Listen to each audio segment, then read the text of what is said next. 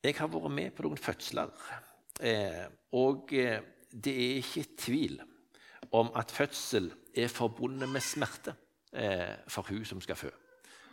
Det har jeg vært vitne til. Og selv om mannen ikke kjenner dette sånn bokstavelig på kroppen, det kan vi jo ikke skryte av, så er det òg ei smerte å se at den som du er glad i, har det vondt. Eh, og, litt sånn hjelpeløst, egentlig. At her, er det ikke noe jeg kan gjøre. Jeg ser at dette er jo fryktelig. Eh, og så prøver en å, å, gjøre sitt beste, men kan fort komme til å stå litt eh, i veien. Eller i en sånn Ikke hvordan dere opplever dere andre mannfolk, men, det er ikke helt enkelt å være til god hjelp akkurat da. Men, når barnet er født, da er, er, det ikke mer fokus på, på dette, på smerten ved fødselen. Da er det glede over barnet som er født. Ventetida, den er over. Nå kan vi få bli kjent med dette vesle mennesket som har venta så lenge på å få møte. Tenk på hvordan er denne eh, som vokser inni mors mage. Nå er vi advent, og vi tenker jo på verdens mest omtalte fødsel. Det er fokuset nå. Eh, Jomfrua som ble mor, han som var lova ifra syndefallet sin dag som skulle komme for å gi oss mulighet til å leve i samfunn med Gud. Og så opplevde Maria det som alle kvinner har opplevd, smerte når fødselen nærma seg. Eh, og det gjorde det antagelig ikke enklere eh, at hun var på en fremmed plass, eh, en plass som var veldig lite egnet eh, til en fødsel. Eh, det var ikke en plass som var lagd for det. Men der ble verden sin frelser født. Og Maria og Josef gleda seg. Men denne fødselen var det ikke bare de som gleda seg over. Og jeg siterte det i går for ungdommene òg, men, men, ute på, på, på marka var det noen gjetere. De som var eh, regna for aller lavest eh, blant mennesker i, i, i, den kulturen der. Det, det var liksom de du ikke regna med. De fikk englebesøk. Der er et stort kor og denne beskjeden Frykt ikke, for se, jeg forkynner dere en stor glede. En glede for alt folket. I dag er det født der en frelser, som er Messias Herren i Davids by. Se, jeg forkynner dere en stor glede. Og så, så jeg tror For deg så ble det veldig sånn Tenk at de kom her. Det må virkelig bety at det er for alt folket. Det var ingen andre som hadde kommet på hvis det var en viktig begivenhet, at de skulle si ifra til oss. Men her er det en Gud som viser jeg bryr meg om alle. Her er det en som er kommet for alle. De som ikke ble regna for noen ting, de fikk beskjeden i dag er det født dere en frelser. Han er Messias, Herren i Davids by. En frelser er født. Tilbake til teksten vår. Jesus visste at eh, disiplene hans syntes at det var smertefullt å tenke på å ta avskjed med han. Og så sier han, 'Men jeg skal se dere igjen'.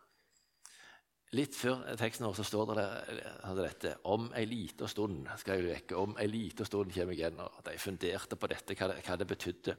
Eh, men han sier noe om det. Jeg skal se dere igjen. Eh, og det kan se ut som det som Jesus sier her, har eh, kanskje minst to oppfyllelser. Først skulle de miste Jesus med at han måtte li og dø. Eh, og de skulle få se han igjen når han sto opp og bli hjerteglade. Og Så skulle han reise ifra de opp til himmelen, eh, og de skulle få se han igjen når han kom igjen, eller når livet her var slutt.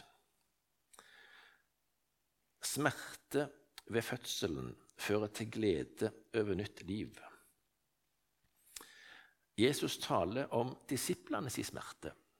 Nå har dere smerte. Jeg synes det er faktisk ganske interessant når jeg har tenkt på, på eh, hva, hva, det handler om dette her. Noe vondt fører til noe godt. Den som virkelig skulle få oppleve lidelse og smerte, var jo Jesus. Det, det, var jo ikke på en måte Jo, det, det var fælt for dem at, at, eh, at, de skulle komme til å sakne han og alt sånt. Men det var jo ingenting i forhold til det Jesus skulle gjennom. Sier noe om Jesus og eh, hvordan han tenker på andre enn seg sjøl. Og så tenkte jeg litt når jeg forberedte dette, på den smerten som disiplene til Jesus kort tid etter fikk kjenne på. Jeg, når jeg har talt om dette, så har jeg ofte fokusert på Peter og hans fornektelse. Men var de andre så mye bedre, egentlig? Der står, det var jo Peter han, han førte jo ordet. Han var jo liksom den som var frampå og, og, sa ifra. Eh, men eh, når han sier det kanskje mest kjente, han slår det fast Om jeg så må dø med deg, så skal jeg så visst ikke fornekte deg. Så står det Det samme sa de alle. Så det var ikke bare han, selv om han var mest frampå. Alle sa det. Vi dør heller med Jesus. Vi, vi svikter ikke deg. Da dør vi heller. Og så står det litt seinere Og alle forlot ham og flyktet. Alle. Og jeg tror at i tillegg til skrekken over at Jesus ble tatt, mishandla, korsfesta, så tror jeg at de kjente på skam over å ha svikta han når han trengte de mest. De tenkte nok tilbake, og så kom de på den kvelden når Jesus hadde innstifta nattværen. Da var de opptatt midt inne i denne hellige stunden og på en måte som minnes over hele verden. Så står dette verset her. Det ble også en trette blant dem om hvem som skulle gjelde for å være størst. Ja, det tenkte vi på denne kvelden. Altså, Så gremmes de over seg sjøl. Og så ble det jo så overtydelig når han eh, binder opp om seg, og så går han rundt med vaskevannsfatet og vasker deres skitne føtter. Og så er de helt klar over at han, han tar slaveplassen framfor oss. Så har vi snakket om hvordan, hvordan, er det, vi kan bli størst. Altså, hvordan kan vi bli den viktigste? Og så går han bare og demonstrerer sann storhet. Storhet i mitt rike. Det handler om dette. Det handler om å tjene. Det handler om å gi. Det handler om å sette de andre framfor deg sjøl. Og så kommer de til Getsemane, og han spør eh, kan dere våke med meg. Dette er ei tøff tid. Kan dere være våkne med meg nå? Og de sovna. Altså er det liksom bare det svikt på svikt og, og, og bare egentlig eh, til å skjemmes av alt. De lova at de ville ofre livet for han, og så flykta de. Og jeg tror de, de var langt nede, bak stengte dører kjente på sorg over Jesus, men òg ganske mye på sorg og skam over seg sjøl. Eh, deres siste hilsen til han var virkelig ikke mye å skryte av. Tenk at det skulle gå sånn. Men så fikk de se han igjen. Og så hadde han sagt det til dem på forhånd. Dere skal få se meg igjen. Han som beseira døden. Gjennom hans smerte så fikk de nytt liv. Og Jesajas 53 sier noe fint om dette. Det som, som var så vondt for han, og som ble så godt for oss. Vers 4 og 5. Sannelig, våre sykdommer har han tatt på seg, og våre piner har han båret. Men vi jaktet ham for plaget, slått av Gud og gjort elendig. Men han ble såret for våre overtredelser, knust for våre misgjerninger. Straffen lå på ham for at vi skulle ha fred, og ved hans sår har vi fått legedom. Han ble såra og knust, og så lå straffa på han for at vi skulle ha fred. Han eh, fikk smerten, og vi fikk velsignelsen. Med hans sår har vi fått legedom. Og så fikk eh, disiplene òg se mer og mer av dette. Det, det, var for oss. Det var nettopp for det at vi ikke klarte det som vi ønska. At vi ikke klarte å leve opp til det som, som vi lovte og håpte på at vi skulle få til. Nettopp derfor var det han lei. nettopp gjennom det som han gjorde, så kunne vi få nytt liv. Så kunne vi få ei glede som varer. Eh, og det er ikke glede over oss sjøl, det er glede over han eh, som var villig til å betale den høyeste prisen for å vinne oss livet. I 1. Peter 1,3 så står det Lovet være Gud, vår Herre Jesu Kristi Far, som etter sin store miskunn har gjenfødt oss til et levende håp ved Jesu Kristi oppstandelse fra de døde.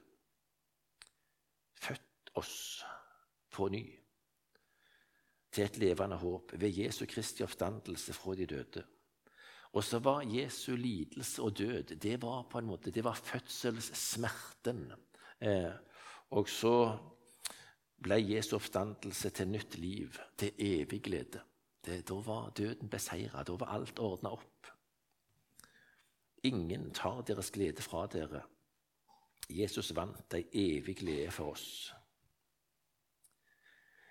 De siste versene i teksten vår eh, er noen vers som jeg ærlig talt syns kan være litt vanskelige.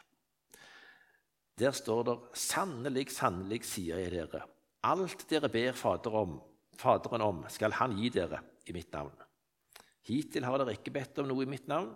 Be, og dere skal få, for at deres glede kan være fullkommen. Får du alt du ber om? Ingen som nikker iherdig, men, men, eh, nei. Hva løye det? Det står jo her. Er ikke det? Alt dere ber Faderen om, skal Han gi dere i mitt navn.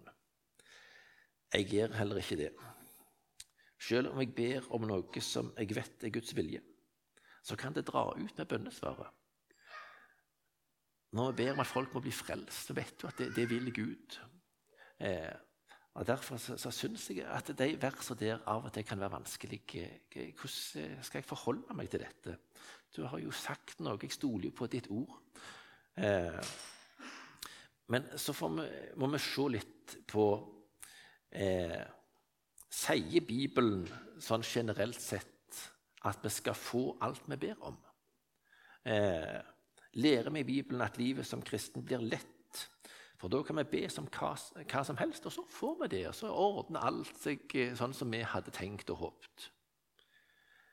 Det er noen vers som ser sånn ut, f.eks. det som vi leser her. Men når vi leser om de som fulgte Jesus i Bibelen, så ser vi jo veldig tydelig at de ikke ble spart for vanskeligheter og, og uh, tunge ting. En ting som jeg syns er ganske interessant, det er å se når Paulus forsvarer sin tjeneste som apostel. Eh, når han argumenterer for at han er en sann apostel. Eh, for det var det noen som hadde betvilt. Da snakker han ikke om sånn som vi kanskje ville tenke var mest naturlig. Eh, å fortelle om så mange har blitt frelst med min tjeneste.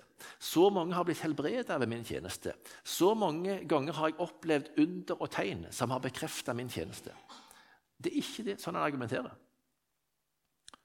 Nå skal dere høre hva han sier. 2. Korinter 11. Er de Kristi tjenere? Jeg taler i vanvidd. Jeg er det enda mer. Jeg har arbeidet mer. Jeg har fått flere slag. Jeg har oftere vært i fengsel.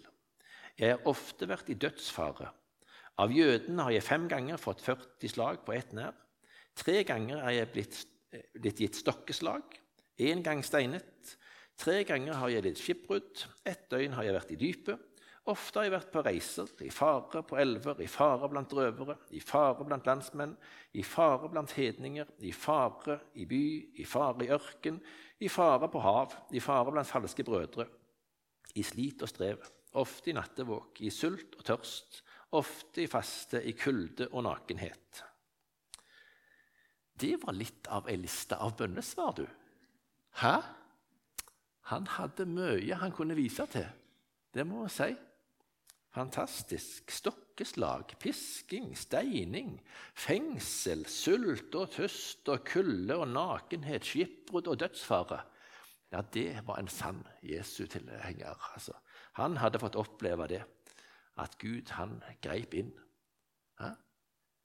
Merkelig argumentasjon. Men, men, det sier meg noe om at han var veldig klar over, og, og det var de som, som Jesus sine disipler som gikk med han òg, at han lovte de ikke det et lett liv. Eh, og de aller fleste av hans disipler de ble jo martyrer. Eh, og, og eh, Det som jeg lurer litt på når jeg leser disse ordene, er om de ikke sier noe av det samme som Jesus lærte disiplene sine å be. La din vilje skje.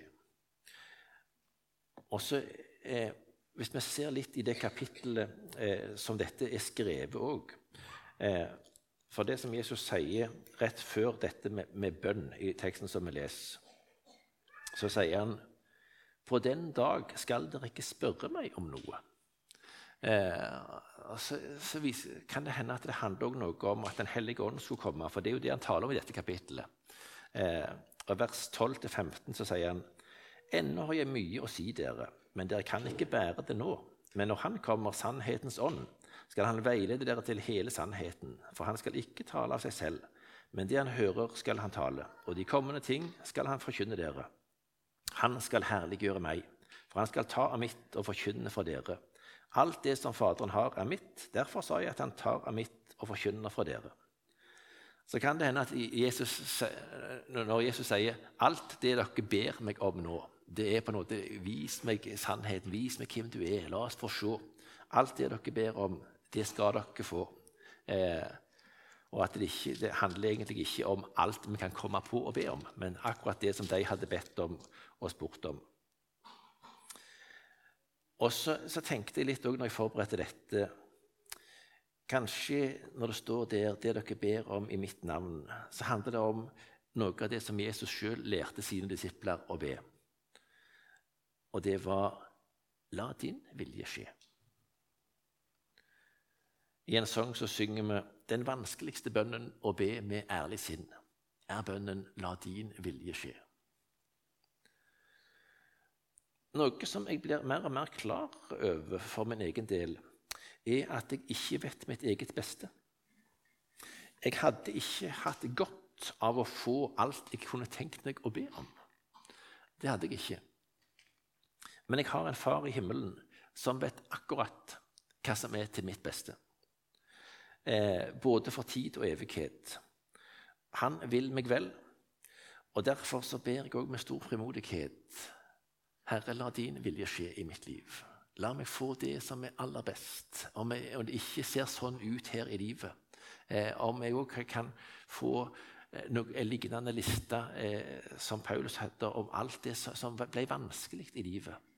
Eh, så tenker jeg òg at du, du, har ikke bare en sånn kortvarig plan for at alt skal, skal kjennes som det lykkes her. Men du har et annet perspektiv. Både at jeg skal bli bevart, at eh, du skal kunne bruke meg i dette livet, og ikke minst at jeg skal nå hjem, der gleda aldri kan bli tatt ifra meg. Og Det er interessant å se en annen plass der det står om dette. Det er faktisk kapittelet før vår tekst, i Johannes 15. Eh, der òg står det noe sånt 'be om hva dere vil'. Eh, og det står i sammenhengen om å bli i Jesus. Johannes 15, fra vers 5 til 7. Jeg er vintreet, dere er grenene. Den som blir i meg og jeg i ham, han bærer mye frukt. For uten meg kan dere intet gjøre. Om noen ikke blir i meg, da kastes han ut som en grein og visner. Og de samler dem sammen og kaster dem på ilden, og de brenner. Dersom dere blir i meg, og mine ord blir i dere, da be om hva dere vil, og dere skal få det. Bli i meg. Den som blir i meg, kan bære mye frukt. Og så, så, kan det virke som at det som Jesus sier her Dersom du blir i Jesus, da, da får du ei bønn. Da blir det på en måte noe som blir lagt inn i ditt liv. Eh, og det handler dette om dette. Det jeg mer enn noe annet vil det er at jeg alltid må forbli i deg. Men jeg vet ikke hvordan jeg skal klare det. Jeg vet ikke hvordan jeg skal få det til. Eh, Og Derfor så ber jeg deg, Gud, at du må gjøre hva du vil. Bare jeg kan forbli i deg. Det er en, eh, en sang som uttrykker noe av dette. Der står det Hvor underlig er du i alt hva du gjør. Hvem kan dine veier forstå? Men ett er dog sikkert, den vei du meg før, for meg er den beste å gå. Du vet ei, mitt barn, hva jeg gjør her på jord, men du skal få se det en gang. Urolige hjerte, hva sørger du for? Din prøvelsestid er ei lang. O Herre, du veier i tusentall har, og hvilken du velger fra meg, får være det samme når blott du meg tar til himmelen sammen med deg. Kjære Jesus, takk for at eh, vi har ditt ord. Og så takker vi for at du eh, var villig til å komme hit ned. Selv om du visste hva som venta deg, og du visste hva du måtte gå gjennom, så hadde du ett fokus, og det var oss. At vi skulle bli berga, at vi skulle få håp, og at vi skulle få ei glede som varer. Takk, Jesus, for det du gjorde. Og så ser du at vi mange ganger kan være så redd for eh, at vi skal oppleve ting som er ubehagelig. Takk for at vi skal få lov til å be til deg og få lov til å legge alt hos deg. Og så ber vi om at eh, vi kan få be i sannhet at din vilje må skje med oss. Og så har du den beste planen for vårt liv. Og du velsigner denne adventstida og jula. Ber om at mange kan få høre både gjennom sanger og, ordet ditt at du kom med ei frelse for alle. Amen.